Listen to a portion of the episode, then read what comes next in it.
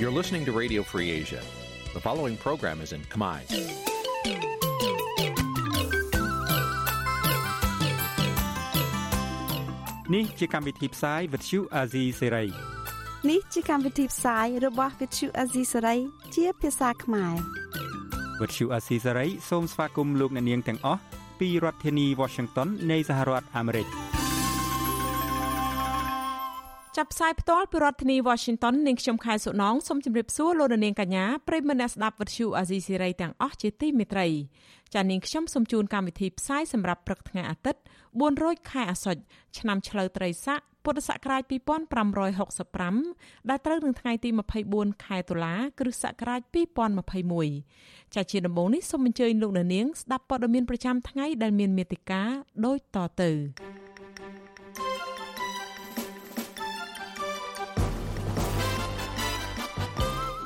ក្រៅស្រុកនិងប្រទេសប្រជាធិបតេយ្យមួយចំនួនជំរុញឲ្យរដ្ឋាភិបាលអនុវត្តកិច្ចព្រមព្រៀងសន្តិភាពទីក្រុងប៉ារីសឲ្យបានពេញលេញអង្គការសិទ្ធិមនុស្សអន្តរជាតិថ្កោលទោសការប្រើហិង្សាលើស្ត្រីតវ៉ាថ្ងៃសុក្រពីសំណាក់ក្រមសន្តិសុខរាជធានីភ្នំពេញពលរដ្ឋស្រុកស្រែអំបិលស្នើសុំអាជ្ញាធរខេត្តកោះកុងពន្លឿនដោះស្រាយវិវាទដីធ្លីជាមួយក្រុមហ៊ុនហេងហ៊ុយអភិវឌ្ឍន៍ កម្ពុជាឲ្យមានការហោះហើរត្រង់ពីម៉ាឡេស៊ីឥណ្ឌូនេស៊ីនិងហ្វីលីពីននៅចុងខែតុលានេះរួមនឹងព័ត៌មានផ្សេងៗមួយចំនួនទៀតចាជាបន្តទៅនេះនាងខ្ញុំខែសុណងសូមជូនព័ត៌មានទាំងនេះពឹស្ដា ចាក្រុមអង្គការសង្គមស៊ីវិលនិងតំណាងប្រទេសហត្ថលេខីមួយចំនួនលើកឡើងថាកិច្ចព្រមព្រៀងសន្តិភាពទីក្រុងប៉ារីនៅតែមានសុពលភាពនិងជំរុញឲ្យរដ្ឋាភិបាលលោកហ៊ុនសែនគោរពនិងអនុវត្តតាមស្មារតីនៃកិច្ចព្រមព្រៀងជាអន្តរជាតិមួយនេះឲ្យបានត្រឹមត្រូវការជំរុញបែបនេះធ្វើឡើងនៅក្នុងឱកាសដែលក្រុមអង្គការសង្គមស៊ីវិលជិត30ស្ថាប័នរួមគ្នាប្រារព្ធខួប30ឆ្នាំនៃកិច្ចព្រមព្រៀងសន្តិភាពទីក្រុងប៉ារីនៅថ្ងៃទី23ខែតុលាដោយមានការចូលរួមពីតំណាងស្ថានទូតនៃប្រទេសហត្ថលេខីចំនួន4ផងដែរភាគីរដ្ឋាភិបាលក៏ប្រារព្ធខួប30ឆ្នាំនេះទ្រង់ទ្រាយធំផងដែរ ប៉ុន្តែលើកសរសើរពីសមិទ្ធផលនិងនយោបាយឈ្នះឈ្នះរបស់លោកហ៊ុនសែនច្រើនជាងឲ្យតម្លៃលើកិច្ចព្រមព្រៀងមួយនេះក្រុមអង្គការសង្គមស៊ីវិលនិងតំណាងប្រទេសហត្ថលេខីចំនួន4រួមមានសហរដ្ឋអាមេរិកបារាំងអង់គ្លេសនិងជប៉ុន នៅតែឲ្យតម្លៃនឹងទៀមទារដ្ឋាភិបាលអនុវត្តឲ្យបានពេញលេញនៅកិច្ចព្រមព្រៀងជាប្រវត្តិសាស្ត្រមួយនេះ ជាឫសគល់នាំឲ្យកម្ពុជាមានសន្តិភាពលទ្ធិប្រជាធិបតេយ្យការផ្សះផ្សាជាតិនិងការរីកចម្រើនឯកអគ្គរដ្ឋទូតសហរដ្ឋអាមេរិកប្រចាំកម្ពុជាលោក Patrick Murphy ថ្លែងសារជាវីដេអូថាកិច្ចព្រមព្រៀងសន្តិភាពទីក្រុងប៉ារីនេះបានជួយប្រែក្លាយកម្ពុជាពីប្រទេសដែលដាច់ដោចដោយសារសង្គ្រាមទៅជាប្រទេសដែលមានដំណើរការអភិវឌ្ឍល្អចាក់គ្រឹះសន្តិភាព និងស្ថិរភាពមកដល់សប្តាហ៍នេះលោកបន្តថាខួប30ឆ្នាំនេះ គឺជាឱកាសមួយសម្រាប់អបអរសមិទ្ធផលទាំងនោះនិងជាឱកាសសម្រាប់ធ្វើការឆ្លុះបញ្ចាំងលើចំណុចខ្វះខាតផងដែរលោកបន្ថែមទៀតថាកិច្ចព្រមព្រៀងនេះបាននាំកម្ពុជាឲ្យទៅបង្កើតរដ្ឋធម្មនុញ្ញមួយតែសេចក្តីប្រាថ្នាជាច្រើនរបស់ប្រជាជនកម្ពុជា នៅតែមិនទាន់សម្រេចបាននោះទេដូចជាលទ្ធិប្រជាធិបតេយ្យពិតប្រាកដនិងសិទ្ធិសេរីភាពពេញលេញជាដើមឯអគ្គរដ្ឋទូតសហរដ្ឋអាមេរិករូបនេះបញ្ជាក់ថាសហរដ្ឋអាមេរិកបដិញ្ញាចិត្តជាថ្មីក្នុងការជួយសម្រេចបាននូវគោលការណ៍នៃកិច្ចព្រមព្រៀងសន្តិភាពទីក្រុងប៉ារីនិងលើកទឹកចិត្តដល់ប្រទេសហត្ថលេខីទាំងអស់ដោយរួមទាំងប្រទេសកម្ពុជាផងឲ្យធ្វើដូចគ្នានេះដែរលោកគូបញ្ជាក់ចុងក្រោយថាអាមេរិកនៅតែជាដៃគូនិងជាមិត្តរឹងមាំរបស់ប្រជាជនកម្ពុជា ជាមួយគ្នានេះឯកអគ្គរដ្ឋទូតអង់គ្លេសអ្នកស្រី Tina Rezzo បានលើកឡើងថាខួប30ឆ្នាំនៃកិច្ចព្រមព្រៀងសន្តិភាពទីក្រុងប៉ារីនេះគឺជាឱកាសសម្រាប់ប្រទេសហត្ថលេខីទាំងអស់ដើម្បីឆ្លុះបញ្ចាំងនិងពិចារណាអំពីប្រទេសកម្ពុជាក្នុងពេលបច្ចុប្បន្ននេះ អ្នកស្រីលើកឡើងថាកិច្ចព្រមព្រៀងនេះបានដើរតួនាទីយ៉ាងសំខាន់ក្នុងការនាំមកនូវសន្តិភាព និងស្ថិរភាពដល់កម្ពុជា។អ្នកស្រីលើកទឹកចិត្តឲ្យរដ្ឋាភិបាលកម្ពុជាពង្រឹងនៅមហិច្ឆតារបស់កិច្ចព្រមព្រៀងនិងរដ្ឋធម្មនុញ្ញកម្ពុជា ដើម្បីធានាបានថាប្រជាជនកម្ពុជា មានសិទ្ធិកំណត់អនាគតនយោបាយរបស់ខ្លួន ក្នុងពិធីរំលឹកខួប30ឆ្នាំដែលរៀបចំនៅទីស្នាក់ការអង្គការមជ្ឈមណ្ឌលអប់រំច្បាប់សម្រាប់សហគមន៍ហៅកាត់ថា CLEC មន្ត្រីអង្គការសង្គមស៊ីវិលនិងក្រុមអ្នកវិភាគឯករាជ្យបានលើកឡើងអំពីប្រវត្តិនិងខ្លឹមសារកិច្ចព្រមព្រៀងសន្តិភាពទីក្រុងប៉ារីព្រមទាំងការអនុវត្តរបស់រដ្ឋាភិបាលនាពេលកន្លងមក។ ចំណែកតំណាងកម្មករកសិករនិងយុវជនវិញពួកគេក៏បានឡើងបញ្ចេញមតិអំពីស្ថានភាពអាក្រក់អាក្រក់ដែលពួកគេបានជួបប្រទះដូចជាការបំបិទសិទ្ធិសេរីភាពជាមូលដ្ឋាន ការរំលោភសិទ្ធិដីធ្លី និងសិទ្ធិការងារជាដើមប្រធានក្រុមអ្នកច្បាប់អមរិន លោកមេធាវីសុកសំអឿនមានប្រសាសន៍ថាទោះបីរដ្ឋាភិបាលអះអាងថាកិច្ចព្រមព្រៀងជាអន្តរជាតិនេះផុតសុពលភាពដោយជំនួសមកវិញនៅរដ្ឋធម្មនុញ្ញឆ្នាំ1993ក្តីក៏លោកសង្កេតឃើញថារដ្ឋាភិបាលមិនទាន់បានអនុវត្តឲ្យស្របតាមរដ្ឋធម្មនុញ្ញពេញលេញនោះដែរ។ លោកបន្តថាសប្តាហ៍ថ្ងៃនេះរដ្ឋាភិបាលបានបង្កើតច្បាប់ផ្សេងផ្សេងដែលផ្ទុយពីស្មារតីដើមចំនៃរដ្ឋធម្មនុញ្ញធ្វើឲ្យប៉ះពាល់ដល់ដំណើរការលទ្ធិប្រជាធិបតេយ្យនៅកម្ពុជាសូមធ្វើអនុសាសន៍គឺថាសូមធ្វើឲ្យតែស្មារតីរដ្ឋធម្មនុញ្ញឆ្នាំ1993នឹងអនុវត្តតាមទៅគឺបានហើយរដ្ឋធម្មនុញ្ញកំណត់ឲ្យរដ្ឋនឹងធានាសិទ្ធិសេរីភាពប្រជាប្រដ្ឋក៏ប៉ុន្តែយើងសប្តាហ៍ថ្ងៃសេរីភាពបញ្ចេញមតិគឺធ្លាក់ចិត្តសូន្យហើយយើងអាចនិយាយនៅតាមស្កាសាលាចឹងតិចតួចមែនក៏ប៉ុន្តែនិយាយមិនត្រូវក៏អត់ល្អដែរសិទ្ធិដែលធ្វើបាតកម្មហ្នឹងមិនមែនជាសេរីភាពទេជាសិទ្ធិការបញ្ចេញមតិគ្រាន់តែជាសេរីភាពទេក៏ប៉ុន្តែដល់បាតកម្មគឺជាសិទ្ធិក៏ប៉ុន្តែយើងអត់អាចធ្វើបានទេតែធ្វើបាន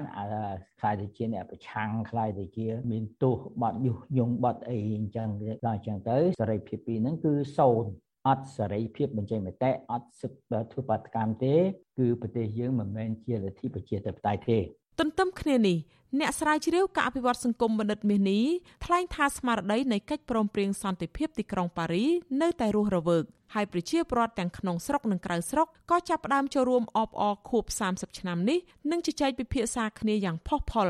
ទាំងក្នុងចំណោមភាគីរដ្ឋាភិបាល។ លោកយល់ថាប្រសិនបើប្រជាពលរដ្ឋខ្មែរនិងគណៈបកនយោបាយផ្សេងផ្សេងកំពុងផ្អែកតែលើសហគមន៍អន្តរជាតិហើយងាកមករួមគ្នាទៀមទានោះគឺនឹងអាចធ្វើឲ្យមានការគោរពនិងអនុវត្តពេញលេញតាមស្មារតីនៃកិច្ចព្រមព្រៀងសន្តិភាពទីក្រុងប៉ារីសឡើងវិញការប្រជុំថ្ងៃនេះក៏ជាផ្នែកមួយនៃសកម្មភាពនៃការចាប់ផ្ដើមរបស់យើងដែរក៏ប៉ុន្តែយើងក៏ទទួលស្គាល់បានថាយើងមិនអាចដើរស្រែកពេញប្រទេសពេញស្រុកបានទេវាត្រូវតែមានយន្តការណាមួយដែលត្រូវរៀបចំឡើងចាប់ផ្ដើមធ្វើការទំនាក់ទំនងជាមួយនឹងអន្តរជាតិជាមួយនឹងប្រទេសហត្ថលេខីដើម្បីឲ្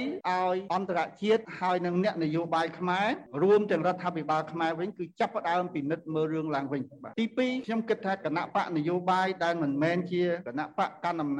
ណាចក៏ត្រូវតែមានទួនាទីណាមួយដើម្បីរួមគ្នាគិតលើករឿងកិច្ចព្រមព្រៀងទីក្រុងប៉ារីនេះឡើងដែរតកតងទៅនឹងខួប30ឆ្នាំរដ្ឋាភិបាលលោកហ៊ុនសែនក៏បានធ្វើពិធីអបអរទ្រង់ទ្រាយធំដែរនៅទីស្តីការគណៈរដ្ឋមន្ត្រីរដ្ឋមន្ត្រីក្រសួងការបរទេសនិងសហប្រតិបត្តិការអន្តរជាតិលោកប្រាក់សុខុនថ្លែងក្នុងពិធីនោះថាមានតែលោកហ៊ុនសែនម្នាក់គត់ដែលជាអ្នកជំរុញឲ្យមានកិច្ចព្រមព្រៀងសន្តិភាពទីក្រុងប៉ារីនេះ ប៉ុន្តែលោកហាក់មិនផ្ដល់តម្លៃដល់កិច្ចព្រមព្រៀងនេះប៉ុន្មានទេលោកអះអាងថានយោបាយឈ្នះឈ្នះរបស់លោកហ៊ុនសែនទៅវិញទេ ដែលបានបញ្ចប់សង្គ្រាមស៊ីវិលទាំងស្រុងនៅឆ្នាំ1998ហើយកម្ពុជា ស្គាល់សន្តិភាពពេញលេញ មានការបង្រួបបង្រួមជាតិនិងសបោសបាយរហូតមកដល់សប្តាហ៍ថ្ងៃនេះ ប្រទេសធំនិងតូចឯងមានប្រវត្តិសាស្ត្រវប្បធម៌ប្រពៃណីរបៀបរបបរស់នៅនិងការរៀបចំនយោបាយខុសៗគ្នាទីនីមួយៗមិនគួរត្រូវបានបង្អាក់ដំណើរ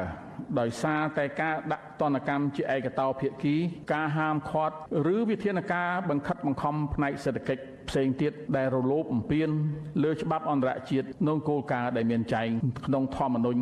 នៃអង្គការសហប្រជាជាតិនោះឡើយទោះជាយ៉ាងណា ឯកអគ្គរដ្ឋទូតជប៉ុនប្រចាំប្រទេសកម្ពុជា លោក Masahiro Mikami ដែលតំណាងឲ្យអង្គទូតនិងប្រទេសហត្ថលេខីនៃកិច្ចព្រមព្រៀងសន្តិភាពទីក្រុងប៉ារីបានថ្លែងនៅចំពោះមុខលោកប្រាក់សុខុនតាមរយៈអ្នកបកប្រែថាចំណុចមួយចំនួនដែលចែងក្នុងកិច្ចព្រមព្រៀងសន្តិភាពទីក្រុងប៉ារីនៅមិនទាន់ផុតរលត់នោះទេលោកសង្ឃឹមថាកម្ពុជានឹងអាចស្វែងរកវិធីសាស្ត្រផ្ទាល់ខ្លួនដើម្បីសម្រេចបាននូវគោលការណ៍នានាដែលមានចែងក្នុងរដ្ឋធម្មនុញ្ញនិងកិច្ចព្រមព្រៀងសន្តិភាពទីក្រុងប៉ារី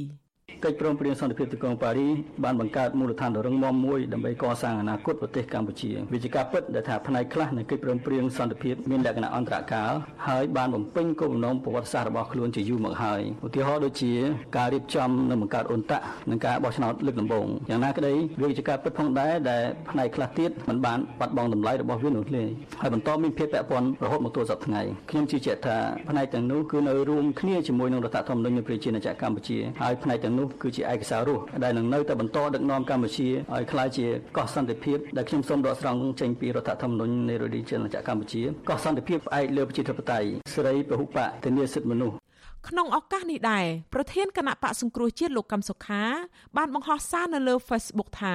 កិច្ចព្រមព្រៀងសន្តិភាពទីក្រុងប៉ារី23ដុល្លារឆ្នាំ1991មិនមែនសម្រាប់តែភាគីខ្មែរណាមួយទេ តែសម្រាប់ប្រជាជាតិខ្មែរទាំងមូល លោកយល់ថាការផ្ដល់តម្លៃដោយគោរពនិងអនុវត្តនៅស្មារតីនៃកិច្ចព្រមព្រៀងនេះគឺប្រទេសកម្ពុជានិងប្រជាពលរដ្ឋខ្មែរអាចទាញយកផលប្រយោជន៍ជាច្រើនពីកិច្ចព្រមព្រៀងនេះជាពិសេសកិច្ចព្រមព្រៀងនេះអាចជួយធានាការពារនៅអធិបតេយ្យភាពឯករាជ្យបូរណភាពទឹកដី និងដំណើរការប្រជាធិបតេយ្យសេរីពហុបកទៀតផងគណៈបកប្រឆាំងមន្ត្រីអង្គការសង្គមស៊ីវិលនិងអ្នកជំនាញអះអាងដូចគ្នាថា កិច្ចព្រមព្រៀងសន្តិភាពទីក្រុងប៉ារីនៅតែមានសុពលភាពហើយការដែលលោកហ៊ុនសែនចង់លុបបំបាត់កិច្ចព្រមព្រៀងនេះព្រោះលោកកំពុងដឹកនាំប្រទេសទៅរករបបផ្ដាច់ការផ្ទុយពីអ្វីដែលមានចែងនៅក្នុងកិច្ចព្រមព្រៀងនេះចាលោករនាងកញ្ញាប្រិមមអ្នកស្ដាប់ការផ្សាយរបស់វិទ្យុអាស៊ីសេរីផ្សាយចេញពីរដ្ឋធានី Washington នៃសហរដ្ឋអាមេរិកពលរដ្ឋខ្មែរនិងសកម្មជនគណៈបកប្រឆាំង ដែលរស់នៅតាមប្រទេសមួយចំនួនកាលពីថ្ងៃទី23ខែតុលាម្សិលមិញបានធ្វើបាតកម្មដើម្បីរំលឹកខួប30ឆ្នាំនៃកិច្ចព្រមព្រៀងសន្តិភាពទីក្រុងប៉ារី23តុលាឆ្នាំ1991ពួកគេបាននាំគ្នាលើកបដាដែលនិយាយអំពីសារៈសំខាន់នៃកិច្ចព្រមព្រៀងនេះ និងរូបថតដែលបង្ហាញពីការធ្វើទុកបុកម្នេញទៅលើអ្នកនយោបាយសកម្មជនបរិស្ថាន និងប្រជាពលរដ្ឋមានចំនួនដីធ្លីជាដើមព្រមទាំងដាក់ញត្តិទៅរដ្ឋាភិបាលក្នុងប្រទេសដែលពួកគេកំពុងរស់នៅដោយទាមទារឲ្យប្រទេសទាំងនោះជំរុញឲ្យរបបក្រុងភ្នំពេញអនុវត្តកិច្ចព្រមព្រៀងនេះឲ្យបានពេញលេញចាសសូមអញ្ជើញលោករនាងស្ដាប់បទសម្ភាសន៍មួយរបស់លោកសីបណ្ឌិតនៃវិទ្យុអាស៊ីសេរីជាមួយមន្ត្រីគណៈបកប្រឆាំងនៅប្រទេសបារាំង លោកទេពមនោរមនិងលោកស្រីមាសភារាពលរដ្ឋខ្មែររស់នៅប្រទេសជប៉ុនជុំវិញគោលបំណងនៃការធ្វើបាតកម្មនេះដូចតទៅចា៎ឥឡូវនេះសូមទៅខាងលោកទេពមនោរមនៅខាងបារាំងនៅខាងប្រទេសបារាំងនោះលោកបាទអឺសូមជម្រាបសួរអឺវិទ្យុអសីសេរីហើយនឹងជម្រាបសួរជនរួមជាតិដែលកំពុងតែតាមដានស្ដាប់វិទ្យុអសីសេរីផងដែរឥឡូវនេះយើងកំពុងតែនៅក្នុងវងបាតកម្មហើយប្រជាពលរដ្ឋខ្មែរយើងបានមកជួបកកជួបជុំកក បងប្អូនមើលឃើញនៅណែនណាន់តាន់តាប់នៅក្នុង La Plaza de la République នឹងតែម្ដងឥឡូវនៅមានមានតំណាងរាស្ត្រសមាព្រឹកសមាជិកព្រឹទ្ធសភាបារាំងហើយនឹងមានមន្ត្រីមកពីប្រទេសឥតាលីតំណាងឲ្យអង្គការសិទ្ធិមនុស្សនឹងមកចូលរួមផងដែរឥឡូវយើងមានគ្នាច្រើនក៏ក៏មែនទេខ្ញុំប្រហែលមើលទៅប្រហែលជាខ្ទង់700នាក់ដែលមកជួបជុំនៅនៅថ្ងៃនេះបាទហើយការទៀមទានេះយើង ទីមួយគឺយើងមករំលឹកដឹងគុណអំពីសន្ធិសញ្ញាទីក្រុងប៉ារីសដែលបានបញ្ចប់សង្គ្រាមនៅក្នុងប្រទេសកម្ពុជាក៏ប៉ុន្តែចំណុចទី2ដែលសំខាន់នោះគឺយើងមកទៀមទាឲ្យប្រទេសអតលេកីទាំង18នឹងអនុវត្តឲ្យបានជាក់លាក់នៅក្នុងសន្ធិសញ្ញាទីក្រុងប៉ារីសនេះដែលបញ្ជាក់ថានៅប្រទេសកម្ពុជាត្រូវតែដើរលើលទ្ធិប្រជាធិបតេយ្យសេរីពហុបកហើយនិងគោរពសិទ្ធិមនុស្សប៉ុន្តែរហូតមកដល់ពេលនេះប្រទេសកម្ពុជាមិនបានអឺម្ចាស់ហត្ថលេខីមិនបានអនុវត្តសន្ធិសញ្ញាទីក្រុងប៉ារីសនោះឲ្យបានជាក់លាក់ទេ នៅក្នុងនេះនេះហើយបានយើងមកជួបជុំថ្ងៃនេះគឺមានសញ្ញា2ហើយយើងមានកំពុងតែរៀបចំញត្តិដើម្បីដាក់ទៅប្រទេសហត្ថលេខីទាំង18ហើយទី1គឺយើងដាក់ទៅប្រធានាធិបតីបារាំងដែលជាសហប្រធាននៃទីសញ្ញាទីក្រុងតាប៉ារីសនឹងតែម្ដងបាទបាទក្រៅពីចូលរួមប្រារព្ធកិច្ចព្រមព្រៀងសន្តិភាពទីក្រុងប៉ារីនេះហើយនឹងដាក់ការដាក់ញត្តិនោះតើក្រមបាតកោទាំងអស់ដែលបានចូលរួមនឹងមានបានលើកស្នើបញ្ហាផ្សេងទៀតទេទៅរដ្ឋាភិបាលលោកហ៊ុនសែននោះបាទ ចំពោះលោករដ្ឋាភិបាលលោកហ៊ុនសែនយើងទាមទារឲ្យមានការរៀបចំបោះឆ្នោតដោយសេរីប្រជាធិបតេយ្យនិងយុត្តិធម៌ហើយនៅពេលដែលឆ្នាំការបោះឆ្នោតនេះនឹងចាប់ផ្ដើមមានប្រសិនបើគ្មានការចូលរួមពីគណៈបកប្រឆាំងដ៏ធំទេគឺគណៈបកសង្គ្រោះជាតិនឹងទេយើងនឹងធ្វើការទៀមទាធ្វើយ៉ាងណាដើម្បីឲ្យប្រទេសនៅជុំវិញពិភពលោកដែលជាម្ចាស់អតលេខីនឹងមិនទទួលស្គាល់រដ្ឋាភិបាលមួយដែលកាត់ឡើងដោយគ្មានការចូលរួមពី អឺប្រជាពលរដ្ឋខ្មែរពាក់កណ្ដាលប្រទេសគឺគណៈបកសង្គ្រោះជាតិនឹងតែម្ដងនឹងគឺរដ្ឋាភិបាលដែលមិនបានកាត់ចែងពីឆន្ទៈប្រជាពលរដ្ឋដែលមិនបានរើសឆ្នោតតែងតាំងដោយប្រជាប្រជាពលរដ្ឋទេគឺមានន័យថាមិនស្របទៅតាមច្បាប់រដ្ឋធម្មនុញ្ញផងហើយមិនស្របទៅតាមសន្ធិសញ្ញាទីក្រុងប៉ារីផងបាទបាទអរគុណលោកទេមនរមតិចទៀតខ្ញុំត្រឡប់មកលោកវិញហើយឥឡូវនេះខ្ញុំសូមអនុញ្ញាតជួបជាមួយលោកស្រីមាសភារាលោកស្រីគឺជាខ្មែរជប៉ុនមួយរូប ដែលរស់នៅប្រទេសជប៉ុនហើយនេះលោកស្រីក៏បានចូលរួមជាមួយនឹងក្រុមយុវជនប្រជាពលរដ្ឋខ្មែរដទៃទៀតនៅក្នុងប្រទេសជប៉ុននោះប្រារព្ធខួប30ឆ្នាំនៃកិច្ចព្រមព្រៀងសន្តិភាពទីក្រុងប៉ារីសបាទចង់ឲ្យលោកស្រីមាសភិរារៀបរាប់អំពីទស្សនវិជ្ជានៅខាងប្រទេសជប៉ុននៅវិញតើមានការចូលរួមប្រពខូប30ឆ្នាំកិច្ចព្រមព្រៀងនេះមានលក្ខណៈទ្រង់ទ្រាយយ៉ាងម៉េចដែរបាទសូមអញ្ជើញលោកស្រីមាសភិរាបាទចាជំរាបសួរជនរួមជាតិទាំងអស់គ្នាចា ថ្ងៃនេះគឺជាថ្ងៃសៅរ៍នៅខាងប្រទេសជប៉ុន អ្នកដែលធ្វើការថ្ងៃសៅរ៍ក៏មានច្រើនហើយអញ្ចឹងយើងធ្វើបាតកម្មរាល់លើកគឺច្រើនតែបាតកម្មនៅថ្ងៃអាទិត្យតែលើកទី1ហើយដែលយើងបានធ្វើបាតកម្មនៅថ្ងៃសៅរ៍ឲ្យចំថ្ងៃ23តុលាចាហើយ នៅពេលដែលយើងដាក់ពាក្យសុំសិទ្ធិធ្វើបាតកម្មភាគីខាងគ្រប់គ្រងទីកន្លែងបាតកម្មគេប្រាប់ថាឲ្យយកឲ្យប្របែប្រមូលគ្នាបានប្រហែលជា100នាក់ហើយយើងខ្ញុំក៏មិនសូវបានប្រម៉ែប្រមូលពីចម្ងាយដែរគឺអឺ ប្រកាសភ្លាមភ្លាមហើយក៏ថ្ងៃនេះបានបងប្អូនមកចូលរួម បានប្រហែលជា120នាក់ចាហើយពួកគាត់អ្នកដែលមកចូលរួមពាក់កណ្ដាលសិតតែអ្នកមានសិទ្ធិរស់នៅអចិន្ត្រៃយ៍ឯពាក់កណ្ដាលទៀតគឺអតីតពលករដែលមកធ្វើការនៅ ប្រទេសជប៉ុនមួយរយៈឬមួយក៏អ្នកដែលគាត់សុំសិទ្ធិជ្រកកោននៅប្រទេសជប៉ុនចាភាគច្រើន គឺជាយុវជនចាបាទ តាមរូបភាពវីដេអូដែលបានផុសលើលើបណ្ដាញសង្គម Facebook ផ្សព្វផ្សាយបន្តបន្តគ្នាមកនោះឃើញថាអ្នកចូលរួមភាគច្រើនខ្ញុំឃើញឃើញជឿនច្រើនជាយុវជនលោកស្រីអាចរៀបរាប់ជូនបានទេថាតើហេតុអីបានជាឃើញកម្លាំងយុវជន នៅក្នុងប្រទេសជប៉ុននឹងចំនួនច្រើនជាងពលរដ្ឋដទៃទៀតដែលមានវ័យវ័យចំណាស់ ហើយពួកគាត់មួយចំនួនជាយុវជនហ្នឹងបើតាមមើលសម័យអាយុទៅហ្នឹងដូចជាពួកគាត់ហ្នឹងមួយចំនួនបើកើតមិនទាន់កិច្ចព្រមព្រៀងសន្តិភាពទីក្រុងប៉ារីសដែលកើតតាំងពីឆ្នាំ1991នោះផងទេតើហេតុអីបានពួកគាត់នៅតែស្វែងយល់និងចូលរួមប្រពខួប30ឆ្នាំនៃកិច្ចព្រមព្រៀងនេះបាទចាបើតាមខ្ញុំស្វែងយល់ខ្ញុំក៏មានការប្រស័យតាក់ទងជាមួយពួកគាត់ច្រើនដែរអញ្ចឹង តាមការសន្ទនានិងការស្ទាបស្ទង់ពួកគាត់កើតអត់ទាន់មែនក៏ប៉ុន្តែគាត់រស់នៅ កម្ពុជាជាក់ស្ដែងភាគច្រើន គឺជារស់នៅក្នុងសន្ទាប់ក្រីក្រចាហើយអឺស្រុកខ្មែរយើង ដើម្បីចង់បានការងារល្អត្រូវមានខ្សែរយៈតើតែមានខ្នងទៅអាចរកការងារល្អបានហើយស្ទើរតែគ្រប់ស្ថាប័ន តើតែមានខ្សែរយៈទើបអាចចូលបានអញ្ចឹងគាត់នៅស្រុកខ្មែរក៏គាត់មិនដឹងថាអឺធ្វើការអីបានបានប្រាក់កម្រៃល្អមានអនាគតគាត់មិនដឹងថាអឺនៅស្រុកខ្មែរយើងហ្នឹងអឺរស់នៅធ្វើយ៉ាងម៉េចឲ្យសុខស្រួលបានព្រោះអីស្រុកខ្មែរយើងអាចរកយុទ្ធធម៌បានលុះត្រាតែយើងមាន លុយកាក់ច្រើនចាគឺជាអ្នកមានបានរកយុទ្ធធម៌បានអញ្ចឹងនៅពេលដែលគាត់រស់នៅស្រុកខ្មែរគាត់អត់សូវទទួលបានយុត្តិធម៌ទេគាត់ទទួលភាពអយុត្តិធម៌ច្រើនហើយ ដល់ពេលគាត់មកធ្វើការនៅជប៉ុនមួយរយៈគាត់យល់ដឹងអំពីលទ្ធិប្រជាធិបតេយ្យពេញលេញហើយនៅខាងជប៉ុនរដ្ឋបាលក៏គេយកចិត្តទុកដាក់ចំពោះប្រជាពលរដ្ឋរដ្ឋាភិបាលគេក៏យកចិត្តទុកដាក់ចំពោះប្រជាពលរដ្ឋមិនថាជនជាតិជប៉ុនឬមួយជនបរទេសក៏គេ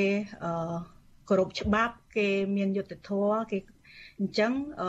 ពួកគាត់ភាកច្រើនដែលមកចូលរួមថ្ងៃនេះគាត់អត់ចង់ត្រឡប់ទៅ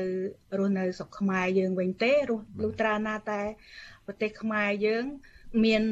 ការគោរពច្បាប់ត្រឹមត្រូវទៅគាត់ចង់ត្រឡប់ទៅស្រុកខ្មែរវិញអញ្ចឹងគាត់មកចូលរួមដើម្បីទៀមទាឲ្យមានយុទ្ធធម៌ឲ្យមានសង្គមមួយដែល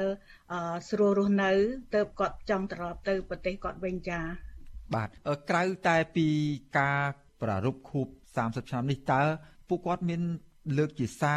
រឬមួយក៏សំណូមពរឬមួយក៏មតិផ្សេងផ្សេងទៀតដើម្បីស្នើទៅរដ្ឋាភិបាល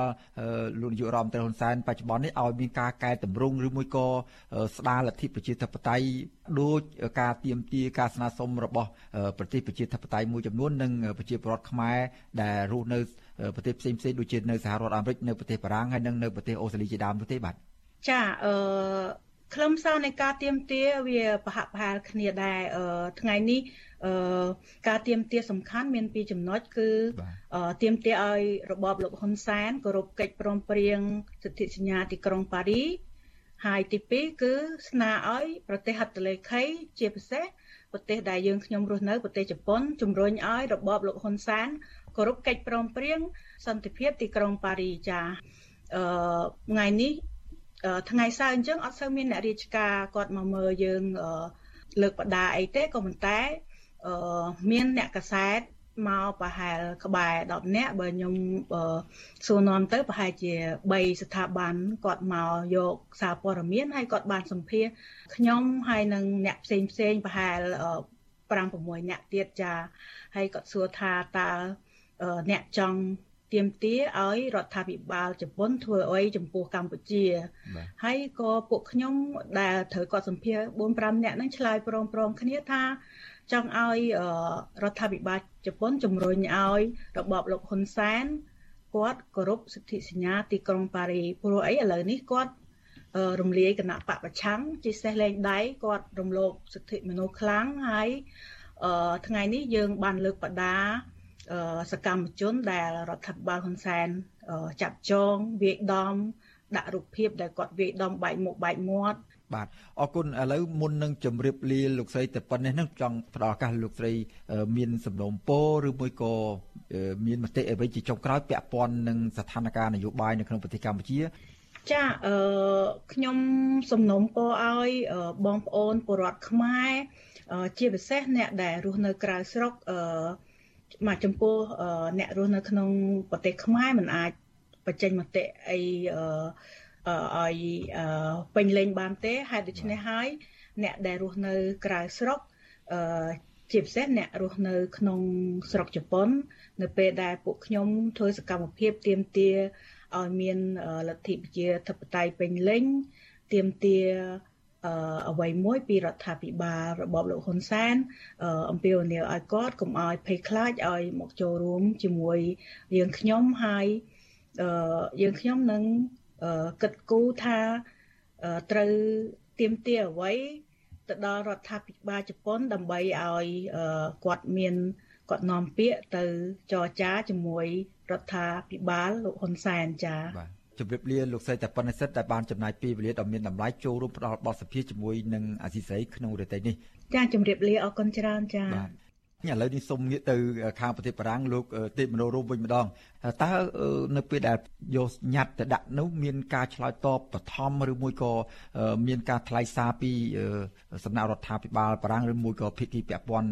ស្ថាប័នណាទៀតនៃរដ្ឋាភិបាលបារាំងយ៉ាងណាទេបាទលោកបាទ ខ្លឹមសារនៃញត្តិនេះទី1គឺយើងស្នើសុំ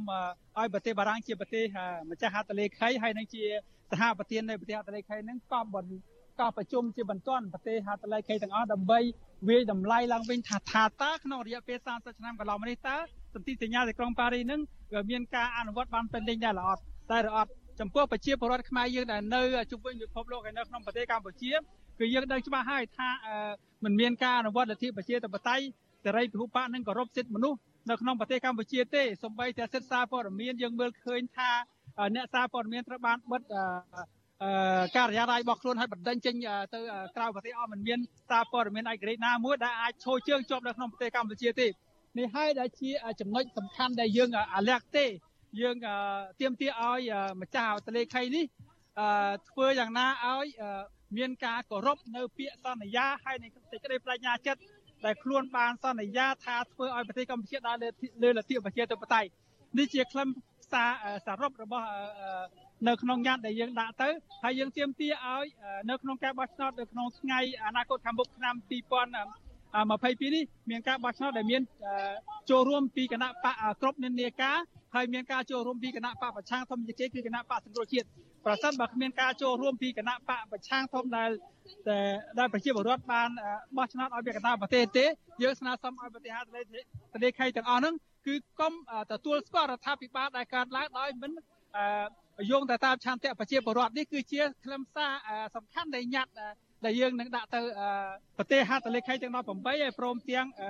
សហប្រធាននៃប្រទេសហត្ថលេខីបាទបាទសូមអរគុណលោកទេពនរមបាទជំរាបលាតែប៉ុណ្្នឹងសិនបាទបាទអរគុណបាទ ចាលោកនាងកញ្ញាប្រិមមអ្នកស្ដាប់ជាទីមេត្រីចាំបាញ់មិញនេះលោកនាងទៅបានស្ដាប់បទសម្ភាសរបស់លោកសេកបណ្ឌិតអ្នករាយការណ៍ព័ត៌មានវិទ្យុអាស៊ីសេរីជាមួយពលរដ្ឋខ្មែររស់នៅក្រៅប្រទេសដែលនាំគ្នាធ្វើបាតកម្មដើម្បីរំលឹកខួប30ឆ្នាំនៃកិច្ចព្រមព្រៀងសន្តិភាពទីក្រុងប៉ារីស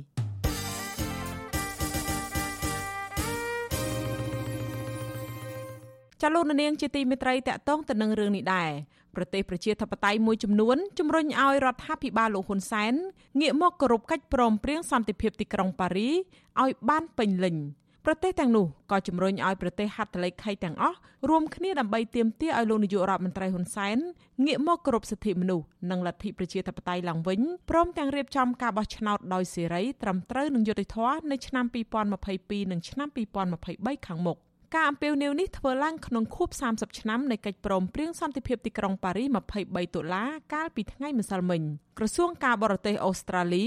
ក៏សម្ដែងក្តីព្រួយបារម្ភជាខ្លាំងចំពោះការធ្លាក់ចុះនៃសិទ្ធិសេរីភាព និងប្រជាធិបតេយ្យព្រមទាំងការកើនឡើងនៃការគៀបសង្កត់ដល់ការបញ្ចេញមតិនិងការប្រមូលផ្ដុំគ្នាដោយសន្តិវិធីរដ្ឋមន្ត្រីក្រសួងការបរទេសនិងកិច្ចការនារីអូស្ត្រាលី អ្នកស្រី Marie Payne ក៏បានបញ្ជាក់ផងដែរថាសិទ្ធិនិងសេរីភាពដែលបានចែងនៅក្នុងកិច្ចព្រមព្រៀងទីក្រុងប៉ារី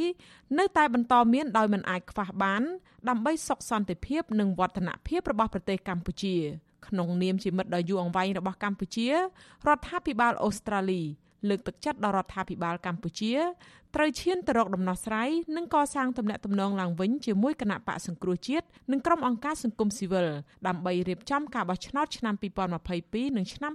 2023ខាងមុខបន្ថែមពីនេះរដ្ឋាភិបាលកម្ពុជាត្រូវគោរពសិទ្ធិសេរីភាពក្នុងការបញ្ចេញមតិនិងការប្រមូលផ្ដុំដោយសន្តិវិធីដើម្បីឲ្យប្រទេសមានភាពរឹងមាំរីកចម្រើននិងសេរីពហុបកចំណែកសមាជិកសភាអូស្ត្រាលីនៃរដ្ឋ Victoria មកពីគណៈបកពលករអូស្ត្រាលីលោក Julian Hill សង្កត់ធ្ងន់ថាប្រទេសហត្ថលេខីទាំង19រួមទាំងប្រទេសអូស្ត្រាលីផងបរាជ័យក្នុងការបដិញ្ញារបស់ខ្លួន ដើម្បីធានាឲ្យពលរដ្ឋខ្មែរទទួលបានការគោរពសិទ្ធិមនុស្សសន្តិភាព និងលទ្ធិប្រជាធិបតេយ្យលោកថារដ្ឋាភិបាលអូស្ត្រាលីគួរបង្ហាញពីភាពដឹកនាំដ៏សំខាន់របស់ខ្លួន ដើម្បីឲ្យរដ្ឋាភិបាលកម្ពុជាគោរពនៅកិច្ចព្រមព្រៀងសន្តិភាពទីក្រុងប៉ារីស But 30 years on, the world has failed to keep its promise. Standing by while Hun Sen's gangster regime has attacked human rights. 30ឆ្នាំកន្លងមកនេះប្រទេសហត្ថលេខីទាំងនោះបរាជ័យដោយមិនបានធ្វើអ្វីទាំងអស់អនុញ្ញាតឲ្យលោកហ៊ុនសែនរំលោភសិទ្ធិមនុស្សសម្រាប់ប្រជាធិបតេយ្យ និងបោះបង់ចោលអធិបតេយ្យភាពរបស់ប្រជាជនកម្ពុជាឲ្យទៅអ្នកដទៃលួចលាក់ទ្រព្យសម្បត្តិមហាសាលក្នុងទឹកដីអូស្ត្រាលី កាលពី2ឆ្នាំមុនខ្ញុំបានទៅទស្សនាប្រទេសកម្ពុជាខ្ញុំមានការតក់ស្លុតខ្លាំងនៅអ្វីអ្វីដែលបានឃើញ គឺបញ្ហារំលោភសិទ្ធិមនុស្សនិងប្រជាធិបតេយ្យធ្ងន់ធ្ងរជាពិសេសក្នុងអំឡុងពេលរាលដាលនៃជំងឺ Covid-19 ចំណែកប្រធានអនុគណៈកម្មាធិការទំនាក់ទំនងបរទេសនៃព្រឹទ្ធសភាទទួលបន្ទុកផ្នែកអាស៊ីបូព៌ានិងជាសមាជិកព្រឹទ្ធសភានៃគណៈបកប្រជាធិបតេយ្យនៅប្រចាំរដ្ឋ Massachusetts លោក Edward Markey ថ្លែងកាលពីថ្ងៃទី23ខែតុលាថាក្នុងខួប30ឆ្នាំនៃកិច្ចព្រមព្រៀងសន្តិភាពទីក្រុងប៉ារីនេះ លោកនិងសមាជិកប្រសិទ្ធភាពដទៃទៀតគាំទ្រនៅការតស៊ូប្រឹងប្រែងរបស់គណៈបកសង្គ្រោះជាតិនិងសកម្មជនទាំងនៅក្នុងនិងក្រៅប្រទេសជំរុញឲ្យរដ្ឋាភិបាលលោកហ៊ុនសែនងាកមកគោរពតាមគោលការណ៍នៃកិច្ចព្រមព្រៀងនេះដោយបញ្ឈប់ការរដ្ឋបတ်សិទ្ធិសេរីភាពនិងដើរតាមគន្លងលទ្ធិប្រជាធិបតេយ្យឡើងវិញ The Paris Peace Agreement also gave birth to the adoption of a Cambodian constitution that guarantees the right of all of its កិច្ចព្រមព្រៀងសន្តិភាពទីក្រុងប៉ារីនេះហើយបានផ្ដល់កំណើតឲ្យមានរដ្ឋធម្មនុញ្ញដ៏ល្អមួយដែលធានាសិទ្ធិសេរីភាពដល់ប្រជាពលរដ្ឋគ្រប់រូបស្ថាប័នសារព័ត៌មានឯករាជ្យនិងបង្កើតសង្គមមួយប្រកបដោយសុខដុមរមនាក៏ប៉ុន្តែសិទ្ធិសេរីភាពនិងក្តីប៉ងប្រាថ្នាទៅនេះត្រូវទទួលរងការគំរាមកំហែងហើយបំបត្តិទាំងស្រុងក្រោមការដឹកនាំរបស់លោកនាយករដ្ឋមន្ត្រីហ៊ុនសែន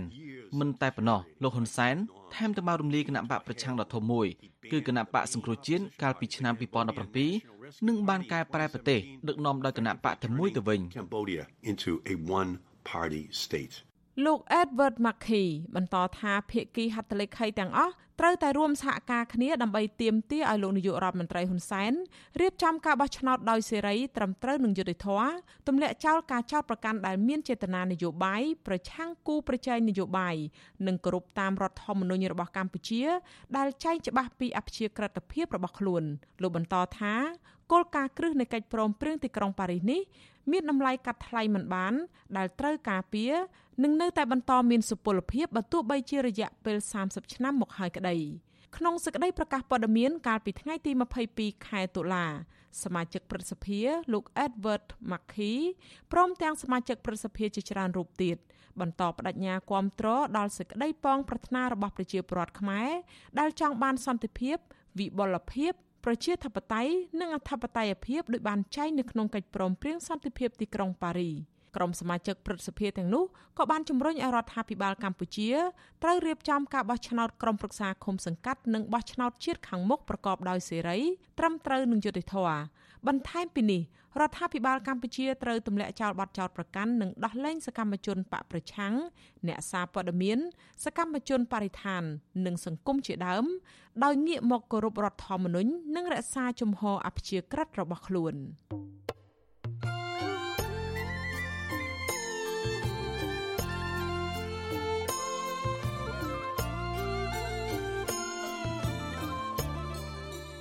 ចាលោកនាងកញ្ញាប្រិយមិត្តអ្នកស្ដាប់វិទ្យុអាស៊ីសេរីទាំងអស់ជាទីមេត្រីចាវិទ្យុអាស៊ីសេរីផ្សាយតាមរយៈរលកធាតុអាកាសខ្លីឬ short wave តាមកម្រិតនិងកម្ពស់ដូចតទៅនេះ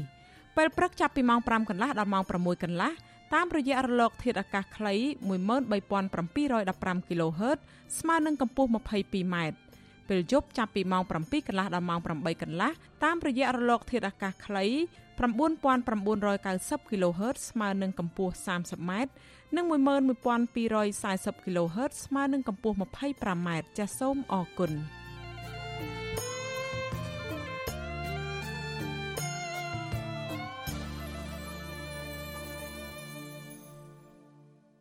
ចលនានាងជាទីមេត្រីរឿងរ៉ាវតាក់ទិនទៅនឹងក្រុមអ្នកតវ៉ាដែលជាស្ត្រីតវ៉ារៀងរាល់ថ្ងៃសុកវិញអង្គការឃ្លាំមើលសិទ្ធិមនុស្សអន្តរជាតិ Human Rights Watch ថាការប្រើហិង្សាលើក្រុមស្ត្រីតវ៉ាថ្ងៃសុកពីសំណាក់ក្រុមសន្តិសុខនៅមុខស្ថានទូតបារាំងប្រចាំកម្ពុជា កាលពីថ្ងៃទី22ខែតុលា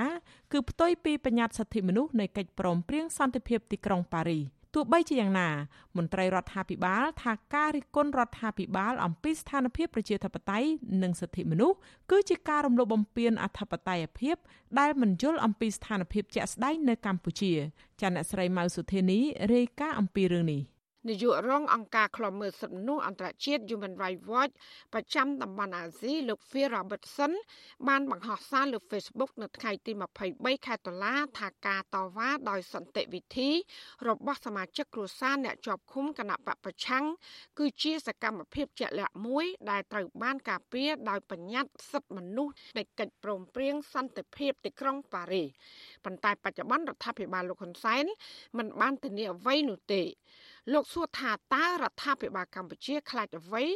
ដែលពួកគេមិនអនុញ្ញាតឲ្យក្រុមអ្នកតវ៉ាដោយអហិង្សាចំនួន20នាក់កាន់បដានៅតាមចិញ្ចើមផ្លូវលោកមើលឃើញថាត្រីភិបស៊ីវិលនិងនយោបាយជាមូលដ្ឋាន កំពុងរងគ្រោះនៅទូទាំងប្រទេស ហើយលោកនាយករដ្ឋមន្ត្រីហ៊ុនសែនបានកាត់បន្ថយស្មារតីនៃកិច្ចព្រមព្រៀងសន្តិភាពទីក្រុងប៉ារីសដោយយល់ឃើញថាបង្កើតកម្ពុជាឡើងដែលមិនប្រកាន់លទ្ធិប្រជាធិបតេយ្យឬក៏ការគោរពសិទ្ធិមនុស្ស ចាការលើកឡើងនេះធ្វើឡើងនៅបន្ទាប់ពីក្រមស្ត្រីថ្ងៃសុកជាង20នាក់បានលើកបដានិងដាក់ញត្តិទៅស្ថានទូតបារាំងប្រចាំកម្ពុជា កាលពីថ្ងៃទី22ខែតុលាដើម្បីសុំឲ្យរដ្ឋាភិបាលបារាំងជំរុញទៅរបបលោកហ៊ុនសែនអនុវត្តឲ្យបានពេញលេញនៅស្មារតីកិច្ចព្រមព្រៀងសន្តិភាពទីក្រុងប៉ារីសនិងដោះលែងអ្នកទោសនយោបាយនិងសង្គមដែលកំពុងជាប់ពន្ធនាគារ ប៉ុន្តែពួកគេត្រូវបានក្រុមសន្តិសុខខណ្ឌដូនពេញដែលមានចំនួនលើសលប់ប្រើអំពើហិង្សាបណ្ដាលឲ្យស្ត្រី3នាក់រងរបួសធ្ងន់និងមួយចំនួនទៀតរងរបួសស្រាល ចាឆ្លើយតបរឿងនេះអ្នកនាំពាក្យគណៈកម្មាធិការសិទ្ធិមនុស្សរបស់រដ្ឋាភិបាលលោកកតាអូនថ្លែងប្រាប់វិទ្យុអសីស្រីថាអង្គការអន្តរជាតិនិងប្រទេសមួយចំនួនដែលរិះគន់រដ្ឋាភិបាល អំពីស្ថានភាពលទ្ធិប្រជាធិបតេយ្យនិងសិទ្ធិមនុស្សគឺជាការរំលោភបំពានអធិបតេយ្យភាពដោយមិនយល់ពីស្ថានភាពជាក់ស្ដែងនៅកម្ពុជា ចាលោកអះអាងថាខ្លឹមសារនៃកិច្ចព្រមព្រៀងសន្តិភាពទីក្រុងប៉ារីសបានបញ្ចូលទៅក្នុងរដ្ឋធម្មនុញ្ញរួចហើយលោកក៏បានបញ្ជាក់ថាកន្លងមកក្រមស្ត្រីថ្ងៃសុកដែលចេញដាក់ញត្តិនឹងតវ៉ាទាំងនោះគឺមិនយល់ពីកាតព្វកិច្ចនៃការប្រើប្រាស់សិទ្ធិសេរីភាព ដែលធ្វើឲ្យរំលោភបំពានច្បាប់ ចំណែកឯហ ংস ាដែលបង្កឡើងដោយក្រមសន្តិសុខវិញលោកកតាអូនលើកទឹកចិត្តឲ្យស្ត្រីថ្ងៃសុកដាក់ពាក្យប្តឹងដល់អ្នកដែលប្រាអំពើហ ংস ាទៅស្ថាប័នមានសមត្ថកិច្ចដើម្បីស្វែងរកយុត្តិធម៌ ការដែលយើងសម្លឹងមើលពីខាងក្រៅដែលយើងមិនបានពិនិត្យមើលទស្សនវិជ្ជាចាស់ស្ដែងនៅអង្គហេតុនៃសកម្មភាពហើយយើងគិតតែពីទ្រឹស្ដីនៃសិទ្ធិមនុស្សយើងមិនបានគិតអំពីសកម្មភាពដែលពាក់ព័ន្ធនឹងបទល្មើសនោះជាការយល់ខុសទាំងស្រុងចឹងហើយនៅកម្ពុជាយើងយើងកញ្ញាឲ្យច្បាស់អំពីទ្រឹស្ដីសិទ្ធិមនុស្សនិងសកម្មភាពទង្វើរបស់មនុស្សក្នុងការប្រើប្រាស់សិទ្ធិចំពោះមុខច្បាប់ ទោះជាយ៉ាងណាក្រមស្ត្រីថ្ងៃសុកច្រានចោលចំពោះការលើកឡើងរបស់មន្ត្រីរដ្ឋាភិបាលថាសកម្មភាពពួកគាត់កន្លងមក គឺធ្វើឡើងដោយសន្តិវិធីនិងស្របតាមច្បាប់ ដែលធានាដោយរដ្ឋធម្មនុញ្ញនិងស្មារតីនៃកិច្ចព្រមព្រៀងសន្តិភាពទីក្រុងប៉ារីសចាស្ត្រីរងគ្រោះទាំងនោះមិនដាក់ពាក្យបណ្ដឹងករណីហិង្សានេះនោះទេពីព្រោះពួកគាត់មិនជឿទៅលើការអនុវត្តច្បាប់របស់អាជ្ញាធរនោះឡើយ។ ចាអ្នកស្រីខុំស្រីលក្ខកូនស្រីសកម្មជនបពប្រឆាំងនៅខេត្តកណ្ដាលអ្នកស្រីយ៉យស្រីមុំឲ្យដឹងថាលោកស្រីដេកឈឺចាប់មុខរបួសដោយសារតែក្រុមសន្តិសុខខណ្ឌដូនពេញជាច្រើនអ្នកបានប្រើអំពើហិង្សាដោយរុញច្រានទាត់ចំកណ្ដាលមុខនិងដាល់មុខបណ្ដាលោកស្រីបែកមាត់និងហើមមុខធ្ងន់ធ្ងរលោកស្រីឲ្យដឹងទៀតថាក្រុមសន្តិសុខដែលជាបរោះបានបន្លំបៀតបៀនរាងកាយរបស់ស្ត្រីភេទរួមទាំងប្រើពាក្យសម្ដីគំរាមកំហែងនិងមាក់ងាយទៀតផង លោកស្រីសោកស្ដាយការដែលអាញាធរតាមរារាំងនឹងប្រាំអំពើហិង្សាលើស្ត្រីទុនខ្សោយហើយលោកស្រីចាត់ទុកអំពើហិង្សាពីសំណាក់សន្តិសុខនេះគឺជាអំពើរំលោភបំពានលើស្ត្រីធ្ងន់ធ្ងរដែលមិនអាចទទួលយកបានចាទោះជាយ៉ាងណាលោកស្រីបដិញ្ញាចិត្តបន្តចេញតវ៉ាដោយសន្តិវិធីបើទោះបីជារងការបង្ក្រាបពីអាជ្ញាធរក៏ដោយ។ ខ្ញុំមានតែដៃពីរនិងกระดาษរូបថតរបស់ម្ដាយខ្ញុំទេតែគាត់មកវិញប្រើកម្លាំងបាយរុញច្រានក្តិចមួលនិយាយចំឲ្យតែគាត់បន្លំបានកន្លែងណាគាត់បន្លំកន្លែងហ្នឹងដែលលើកគាត់បោះបោកវាយធ្វើបាបគ្រប់បែបយ៉ាងហើយនៅមិនទាន់មានពលិយុទ្ធធរទេរហូតដល់ដល់សប្តាហ៍ថ្ងៃនេះសម្រាប់ខ្ញុំខ្ញុំអស់ជំនឿទាំងស្រុង ចាករណីតាមយាយីនិងអំពើហិង្សាពីសំណាក់អាជ្ញាធរនិងក្រមសន្តិសុខលើក្រមស្ត្រីថ្ងៃសុកនេះគឺមិនមែនកើតឡើងតែម្ដងនោះទេ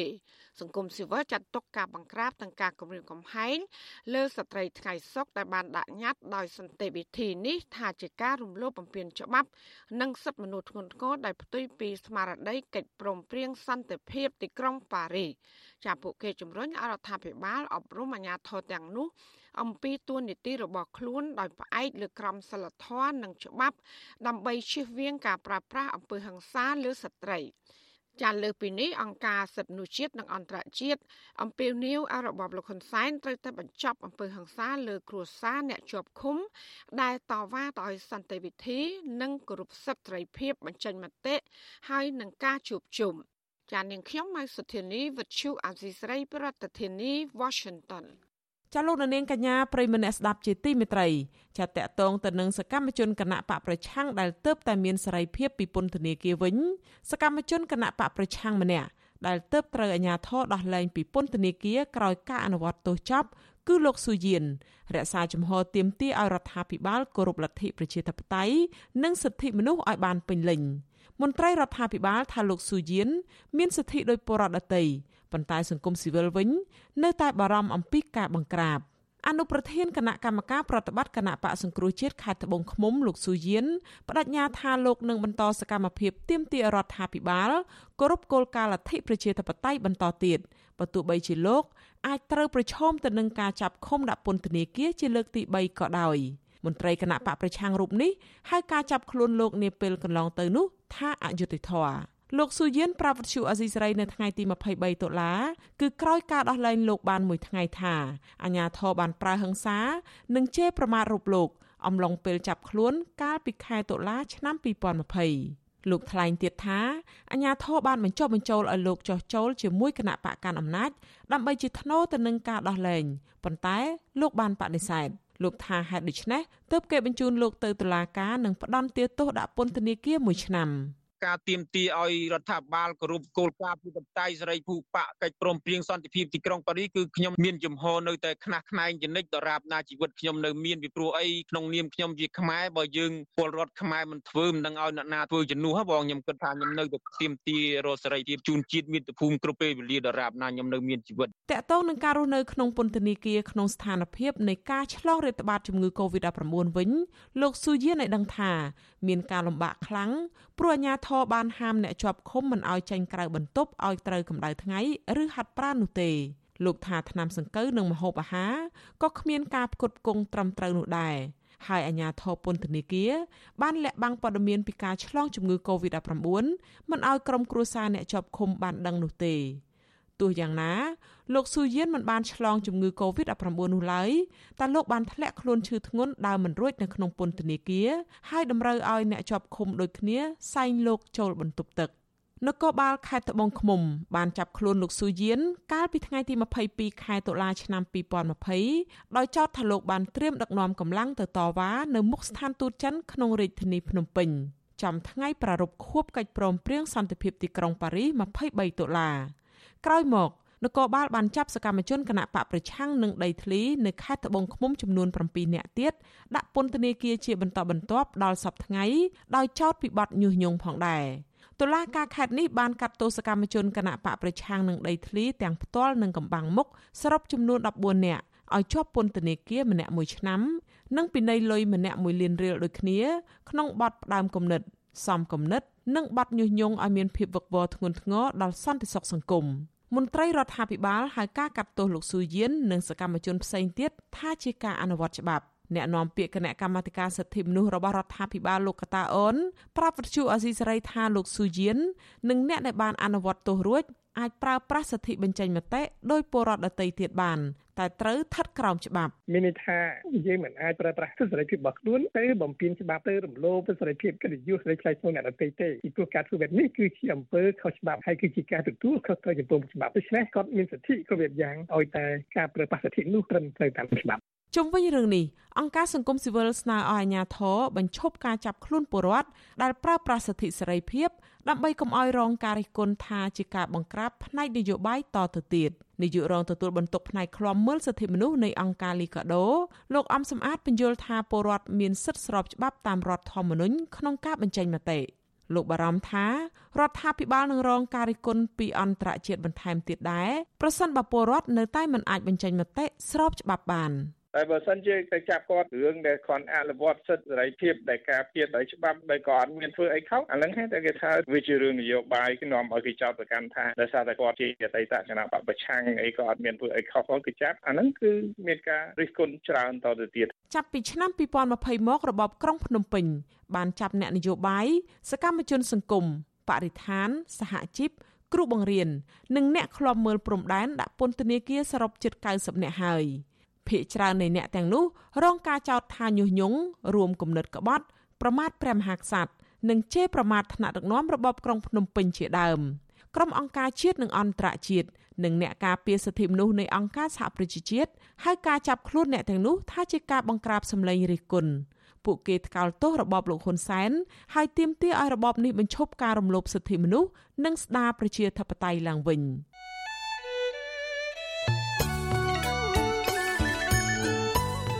ចាលោកនាងកញ្ញាប្រិមម្នាក់ស្ដាប់ជាទីមេត្រីចាលោកនាងកំពុងស្ដាប់ការផ្សាយរបស់វិទ្យុអាស៊ីសេរីផ្សាយចេញពីរដ្ឋធានី Washington នៃសហរដ្ឋអាមេរិកក្រៅពីការតាមដានកម្មវិធីផ្សាយរបស់វិទ្យុអាស៊ីសេរីតាមបណ្ដាញសង្គម Facebook YouTube Telegram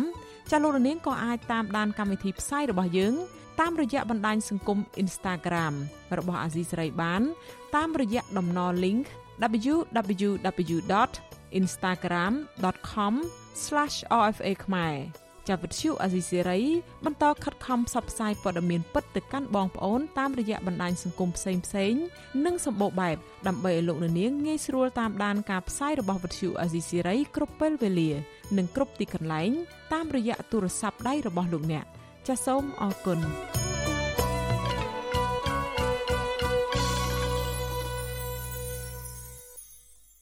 ចលនានាងជាទីមេត្រីតកតងទៅនឹងវិបត្តិនៃការរីករាលដាលនៃជំងឺ Covid-19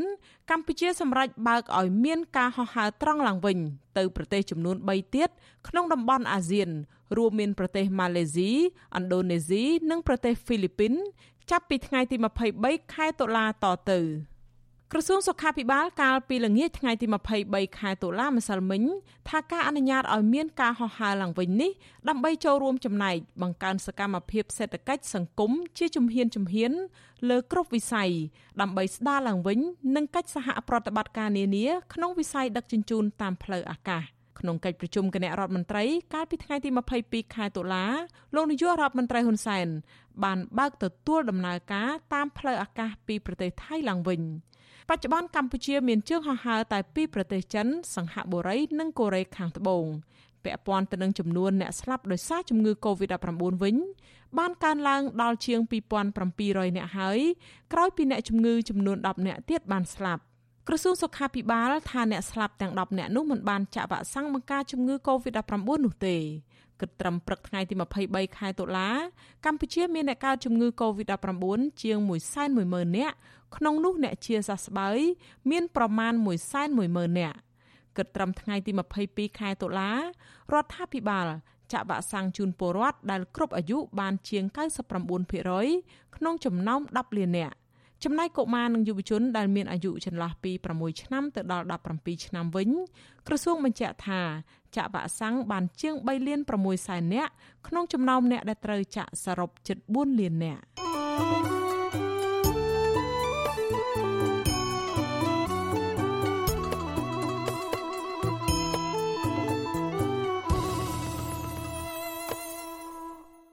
ចាលោករនាងជាទីមេត្រីងាកមកសក្តីរាយការណ៍តាក់ទងទៅនឹងបញ្ហាវិវាទដីធ្លីឯនេះវិញ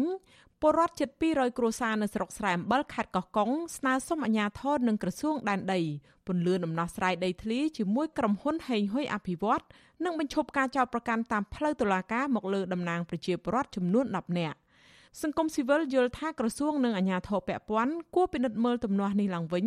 ហើយបន្តដោះស្រាយបញ្ចប់បញ្ហានេះដោយផ្ដាល់សំណងឬកាត់ជ្រឿលដីជូនពលរដ្ឋវិញចាប់ពីរដ្ឋធានី Washington អ្នកស្រីម៉ៅសុធានីមានសេចក្តីរាយការណ៍មួយទៀតអំពីរឿងនេះ ប្រជាប្រដ្ឋមានចំនួនដីធ្លីនៅស្រុកស្រែអំបិលទទូចស្នើសុំដំណោះស្រាយបែបនេះគឺនៅបន្ទាប់ពីពួកគាត់ដឹងថាអាជ្ញាធរខេត្តកោះកុងនិងក្រសួងដែនដីកំពុងដោះស្រាយបញ្ចប់បញ្ហាដីធ្លីឲ្យប្រជាប្រដ្ឋនៅស្រុកគិរីសាគរនិងបទុមសាគរតាមគោលនយោបាយរបស់រដ្ឋាភិបាល តំណាងប្រជាប្រដ្ឋ197កុសានៅឃុំជាខលើ លោកស្រីដេតហួតថ្លែងថាអ្នកភូមិតានីព្យាយាមស្វែងរកដំណោះស្រាយពីក្រសួងដែនដីក្រសួងមហាផ្ទៃខុទ្ទកាល័យលោកនាយករដ្ឋមន្ត្រីហ៊ុនសែននិងសាលាខេត្តកោះកុងជាច្រើនលើកមកហើយប៉ុន្តែមកដល់ពេលនេះពួកគាត់នៅមិនទាន់ទទួលបានដំណោះស្រាយទេ នៅក្នុងវិវាទដីធ្លីជាមួយក្រុមហ៊ុនហេងហ៊ុយអភិវឌ្ឍអររយៈពេល14ឆ្នាំមកនេះ ចាលោកស្រីបន្តថាដំណោះស្រាយដែលបរដ្ឋចង់បាន គឺស្នើសុំអាជ្ញាធរកាត់ជ្រឿដីជូនប្រជាប្រដ្ឋជិត200គ្រួសារនោះដោយធ្វើបានកម្មសិទ្ធិដីធ្លីត្រឹមត្រូវតាមច្បាប់ឬក៏តម្រូវឲ្យក្រុមហ៊ុនផ្ដល់សំណងជាទឹកប្រាក់7000ដុល្លារក្នុងមួយគ្រួសារ ចាលោកស្រីឲ្យដឹងទៀតថាមកដល់ពេលនេះមានតំណាងបរដ្ឋ10នាក់ក្នុងនោះស្ត្រី6នាក់ត្រូវបានក្រុមហ៊ុន របស់លោកអុកញ៉ាហេងហ៊ុយប្តឹងទៅតុលាការខេត្តកោះកុងដោយចោទពីបទបរិហាកេជាតំណាងបរដ្ឋដែលជាប់បណ្ដឹងនៅតុលាការរូបនេះស្នើសុំអាជ្ញាធរពន្លឿនដំណោះស្រាយជូនប្រជាពលរដ្ឋឲ្យបានឆាប់ហើយនឹងស្នើសុំតុលាការទម្លាក់ចោលបទចោទប្រកាន់ចំពោះពួកគាត់ យើងក៏ចង់បានសិទ្ធិសេរីភាពមកវិញហើយយើងក៏ចង់បានដំណោះស្រាយដីធ្លីមកវិញដែរដោយសារ ពពួកយើងកំពុងតែប្រឈមនឹងការបាត់បង់ដីតាំងពីឆ្នាំ2007យូរមកហើយហើយយើងធ្លាក់ខ្លួនក្រយ៉ាងខ្លាំងជាទីបំផុតសម្រាប់197យើងសូមឲ្យសម្ដេចជួរដ្ឋមន្ត្រីព្រមទាំងលោកជំទាវចុះមកផ្ដល់ដល់ភូមិតនីផ្ដល់មកមើលជាពលរដ្ឋកំពុងតែធ្លាក់ខ្លួនក្រនេះហើយមានរូបខ្ញុំផ្ដល់ព្រមទាំងតំណាងទាំង9នាក់ទៀតក៏ជាប់ប្រព័ន្ធតុលាការសូមឲ្យលោកប្រធានតុលាការខេត្តកោះកុងចុះមកផ្ដល់ផងមកមើលប្រជាពលរដ្ឋកំពុងតែបាត់បង់ដីផ្ទាល់នេះឈឺចាប់ខ្លាំងមែនទែនដីខ្លួនឯងត្រូវបាត់បង់ហើយជាប់ប្រព័ន្ធតុលាការទៀតចា៎ជាវត្ថុអសីស្រីមិនអាចសុំការឆ្លើយតបរឿងនេះពីអភិបាលរងខេត្តកោះកុងលោកសុកសុធីនិងរដ្ឋលេខាធិការក្រសួងដែនដីលោកទេពថនបានទេនៅថ្ងៃទី23ខែតុលាដោយសារតែទូរស័ព្ទហៅចូលតែពុំមានអ្នកទទួល ចាតតងបញ្ហានេះអ្នកសម្របសម្រួលនៃអង្គការសិទ្ធិមនុស្សលីកាដូប្រចាំខេត្តកោះកុងលោកហួអ៊ីនមានប្រសាសន៍ថាវិវាទដីធ្លីដែលអូសបន្លាយច្រើនឆ្នាំមកនេះគឺមានចំណុចគួរឲ្យសង្ស័យមួយពាក់ព័ន្ធនឹងការផ្លាស់ប្ដូរពីដីសម្បត្តិសេដ្ឋកិច្ចដែលរដ្ឋាភិបាលផ្ដល់ឲ្យក្រុមហ៊ុនហេងហ៊ុយអភិវឌ្ឍកាលពីឆ្នាំ2007ទៅជាដីមានប្លង់កម្មសិទ្ធិនៅឆ្នាំ2019ទៅវិញ។ លោកយល់ថាក្រសួងដែនដីនិងអាជ្ញាធរពាក់ព័ន្ធគួរតែពិនិត្យលិខិតស្នាមកាន់កាប់ដីធ្លីរបស់ក្រុមហ៊ុន ប្រកបដោយតម្លាភាពឡើងវិញនិងដោះស្រាយបញ្ចប់រឿងនេះជូនប្រជាពលរដ្ឋ ដើម្បីមានភាពយុត្តិធម៌ដើម្បីឲ្យប្រជាពលរដ្ឋមានជីវភាពទូធាអាជ្ញាធរត្រូវគិតទៅលើជីវភាពប្រជាពលរដ្ឋជាមុនយើងមិនអាចសម្លឹងទៅលោកញ៉ាម្នាក់តែមានដីគ្រប់ដណ្ដប់ទៅលើមួយភូមិនឹងធ្វើតែទាំងអស់ហើយប្រជាពលរដ្ឋអត់មានដីសម្រាប់បង្កបង្កើតផលសម្រាប់ធ្វើស្រែធ្វើចការនឹងថាអាហ្នឹងវាវាជាមិនមែនជារឿងយុត្តិធម៌ឬក៏មានតម្លាភាពសម្រាប់ប្រជាពលរដ្ឋដែលរស់នៅក្នុងមូលដ្ឋានហ្នឹងទេស្នើសុំថាមានការស៊ើបអង្កេតច្បាស់លាស់ទៅមិនមែនចំមកការស៊ើបអង្កេត4 5ថ្ងៃហើយបញ្ចប់ទៅរបាយការណ៍បដិសេធក្នុងការទទួលស្គាល់ពួកគាត់ទេអាហ្នឹងមិនមែនយើងទៅទៅទេ ចាស់ការពីដើមខែកក្កដាឆ្នាំ2019ក្រសួងរៀបចំដែនដីអះអាងថាបរដ្ឋ197គូសាមិនមានជាប់ពាក់ព័ន្ធនឹងករណីវិវាទដីសម្បត្តិដាំដំណាំអំពៅដែលផលិតស្ករសនាំចេញនៅក្នុងភូមិសាស្ត្រខេត្តកោះកុងនោះទេ ទន្ទឹមគ្នានោះរដ្ឋបាលខេត្តកោះកុងក៏បានចេញលិខិតមួយអះអាងថាទីតាំងដែលបរដ្ឋនាសុំកាត់ជ្រៀលនោះគឺស្ថិតនៅលើដីរបស់ក្រុមហ៊ុនហេងហ៊ុយដែលមានបានកម្មសិទ្ធិរួចហើយជាអាជ្ញាធរបញ្ជាក់ថាការដោះស្រាយបញ្ហានេះគឺជាដែនសមត្ថកិច្ចរបស់ស្ថាប័នតុលាការ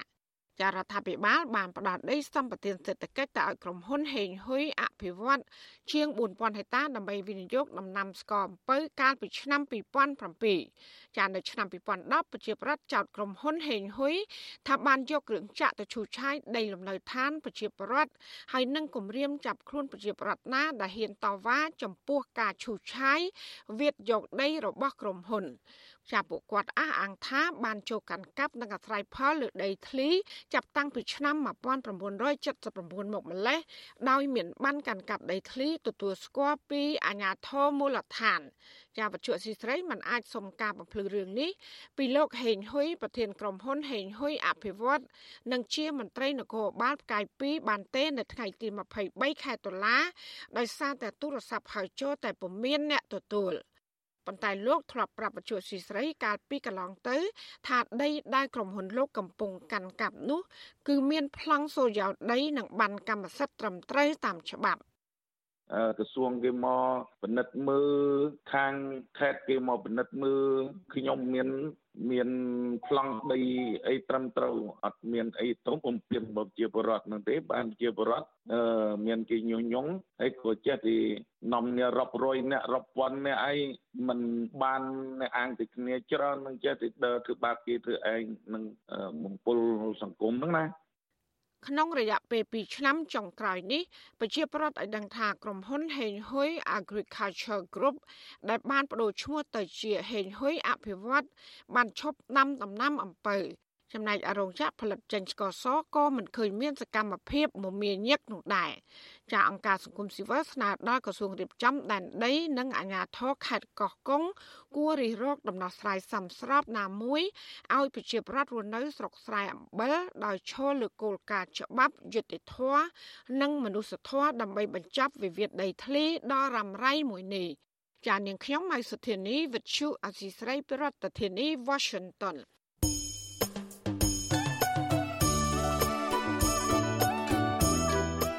ចចាលោកនាងកញ្ញាប្រិមនស្ដាប់ជាទីមេត្រីលោកនាងកំពុងស្ដាប់ការផ្សាយរបស់វិទ្យុអាស៊ីសេរីផ្សាយចេញពីរដ្ឋធានី Washington នៃសហរដ្ឋអាមេរិកនៅក្នុងឱកាសនេះដែរនាងខ្ញុំសូមថ្លែងអំណរគុណដល់លោកនាងកញ្ញាទាំងអស់ដែលតែងតែមានភក្ដីភាពចំពោះការផ្សាយរបស់យើងហើយចាត់ទុកការស្ដាប់វិទ្យុអាស៊ីសេរីគឺជាផ្នែកមួយនៃសកម្មភាពប្រចាំថ្ងៃរបស់លោកនាង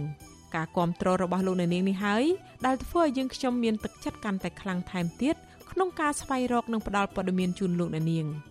មានអ្នកស្ដាប់អ្នកទស្សនាកាន់តែច្រើនកាន់តែធ្វើឲ្យយើងខ្ញុំមានភាពស្វាហាប់មោះមុតជាបន្តទៀតចា៎យើងខ្ញុំសូមអរគុណទុកជាមុនហើយសូមអញ្ជើញលោកអ្នកនាងកញ្ញាចូលរួមជំរុញឲ្យសកម្មភាពផ្តល់ព័ត៌មានរបស់យើងកាន់តែជោគជ័យបន្ថែមទៀតចាសសូមលោកអ្នកនាង ជួយយើងខ្ញុំដោយគ្រាន់តែចុចចែករំលែកឬ share ការផ្សាយរបស់យើងនៅលើបណ្ដាញសង្គម Facebook និង YouTube ទៅកាន់មិត្តភ័ក្តិរបស់លោកអ្នក ដើម្បីឲ្យការផ្សាយរបស់យើង បានទៅដល់មនុស្សកាន់តែច្រើន ចាសសូមអរគុណ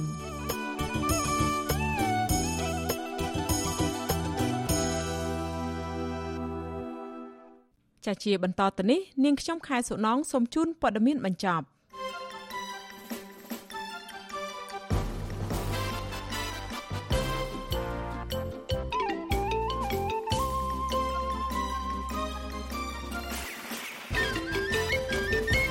ចាក្រុមអង្គការសង្គមស៊ីវិលនិងតំណាងប្រទេសហត្ថលេខីមួយចំនួនលើកឡើងថាកិច្ចព្រមព្រៀងសន្តិភាពទីក្រុងប៉ារី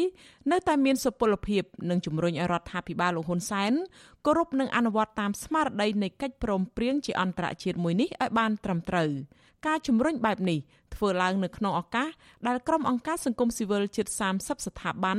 រួមគ្នាប្រារព្ធខួប30ឆ្នាំនៃកិច្ចព្រមព្រៀងសន្តិភាពទីក្រុងប៉ារីនៅថ្ងៃទី23ខែតុលា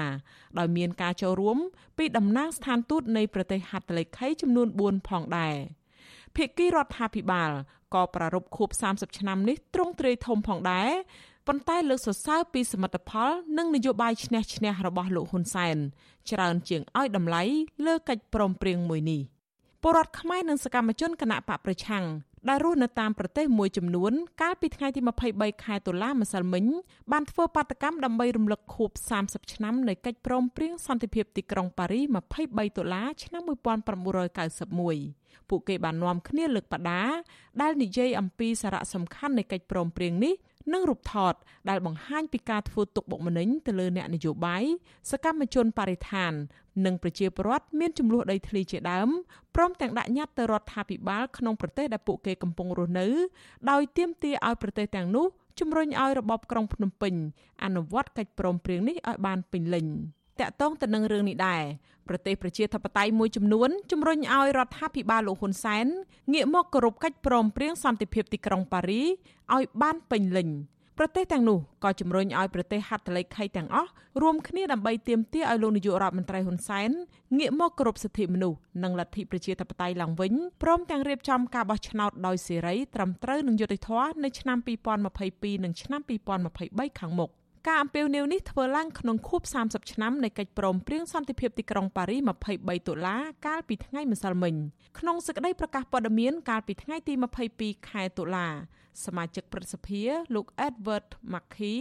ព្រមទាំងសមាជិកព្រឹទ្ធសភាជាច្រើនរូបទៀតបន្តបដិញ្ញាគាំទ្រដល់សេចក្តីប៉ងប្រាថ្នារបស់ប្រជាពលរដ្ឋខ្មែរដែលចង់បានសន្តិភាពវិបុលភាព ប្រជាធិបតេយ្យនិងអធិបតេយ្យភាពដោយបានចែងនៅក្នុងកិច្ចព្រមព្រៀងសន្តិភាពទីក្រុងប៉ារីក្រុមសមាជិកព្រឹទ្ធសភាទាំងនោះក៏បានជំរុញឲ្យរដ្ឋាភិបាលកម្ពុជាត្រូវរៀបចំការបោះឆ្នោតក្រុមប្រឹក្សាឃុំសង្កាត់និងបោះឆ្នោតជាតិខាងមុខប្រកបដោយសេរីត្រឹមត្រូវនិងយុត្តិធម៌ បន្ថែមពីនេះរដ្ឋាភិបាលកម្ពុជាត្រូវទម្លាក់ចោលបទចោទប្រកាន់និងដោះលែងសកម្មជនបកប្រឆាំង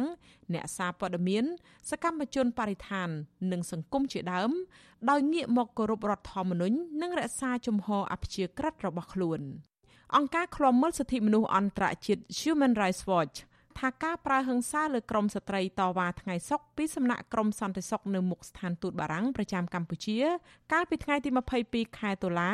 គឺផ្ទុយពីបញ្ញត្តិសិទ្ធិមនុស្សនៃកិច្ចព្រមព្រៀងសន្តិភាពទីក្រុងប៉ារីសទោះបីជាយ៉ាងណា មន្ត្រីរដ្ឋាភិបាលថាការរិះគន់រដ្ឋាភិបាលអំពីស្ថានភាពប្រជាធិបតេយ្យនិងសិទ្ធិមនុស្សគឺជាការរំលោភបំពានអធិបតេយ្យភាព ដែលមិនយល់អំពីស្ថានភាពជាក់ស្ដែងនៅកម្ពុជា